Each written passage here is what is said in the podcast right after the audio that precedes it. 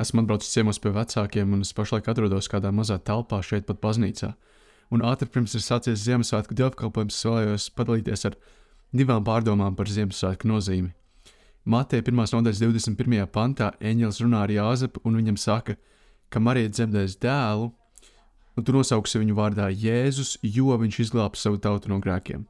Vārds Jēzus, grieķiski Iesus, ir grieķisks atvasinājums no ebreju vārda Ješo, jeb Jozo, kas pats ir saīsinājums no vārdu Jehošo, kura nozīme ir Je Jehova glābs vai Jehova ir glābšana.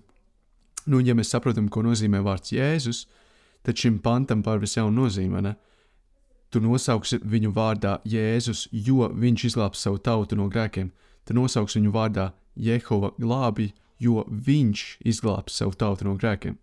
Kristus ir šis dievišķais glābējs, Dievs ar mums. Bet ko tas nozīmē savu tautu?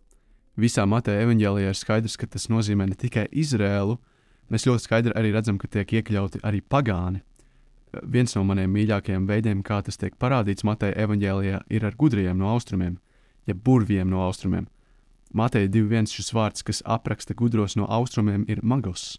Tas pats vārds, kas tiek lietots piemēram magam varjēzum vai burmi, burvim sīmenim absurdu darbos, un ja mēs jau zinām, ka piedzimšanas stāstā varam ieraudzīt daudzas eksodus, jeb jaunās iziešanas no Eģiptes paralēles, mēs par jauno eksodus, es, eksodus esam runājuši, tad, tad ja, nu, piemēram, viens, viens piemērs - Jēzus bērniņš tiek aizvests uz Eģipti, lai piepildītos pravietojums no Eģiptes, es savu dēlu aicināju. Vai vēl kāds piemērs - kāds valdnieks, kas valda pār Izraēlu cilvēkiem, Herods, pavēl nogalināt visus pirmdzimtos. Tad paralēls ir, taču šoreiz iepratim eksodus stāstam, burvi ir Jēzus pusē, šie pagānu magi ir atnākuši jēzus pielūgt.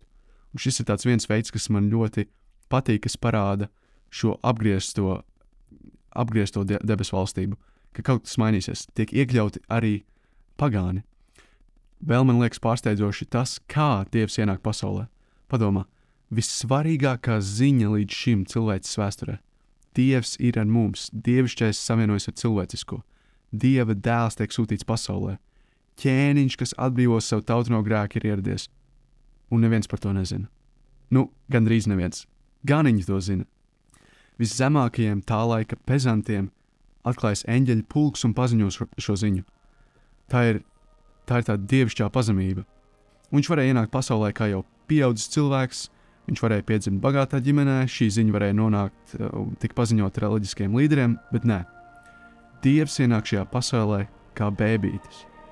Par to uzzina visnenozīmīgākie sabiedrībā, un viņam pat nav kur nolikt savu galvu. Viņš tiek guldīts silē, no kuras ēd dzīvnieki. Tā ir tā dievišķā pazemība, kas, kas man liek domāt, kas gan esam mēs, lai vēl ar kaut ko lielītos, kas gan esam mēs, lai liktu vēl sevi centrā. Tā kā tā, ir par ko padomāt. Priecīgs Ziemassvētkus, liksim Kristu centrā un tiksimies jau pavisam drīz